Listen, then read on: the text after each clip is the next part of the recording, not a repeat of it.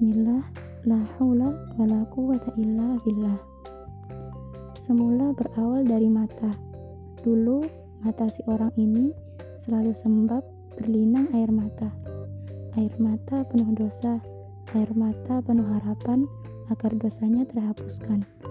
Mengharap besar bisa meraih surga mulianya.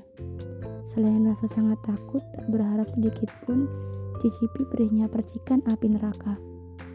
Seiring berjalannya waktu, keadaan mesti berubah, tidak melulu ini itu saja, sama halnya yang telah terjadi pada si orang ini.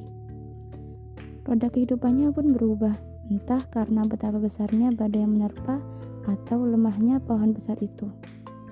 Kini si orang itu berubah hampir 99%. Dia yang dulu terharu mendengar ayat-ayat Qur'ani, sekarang syahdu lagu jadi penyejuk hati dan hal lain apalah itu tidak akan kusebutkan. Maha besar Allah.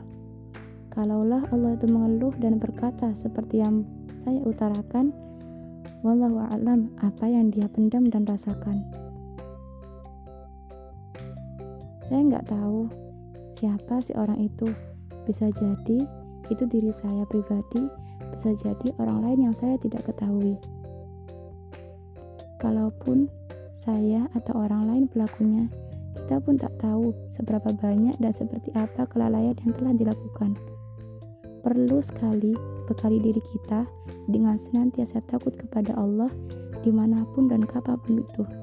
Dan hanya kepadanya lah berbanyak doa, meminta hidayah dan pertolongan supaya mampu istiqomah di jalan ridhonya.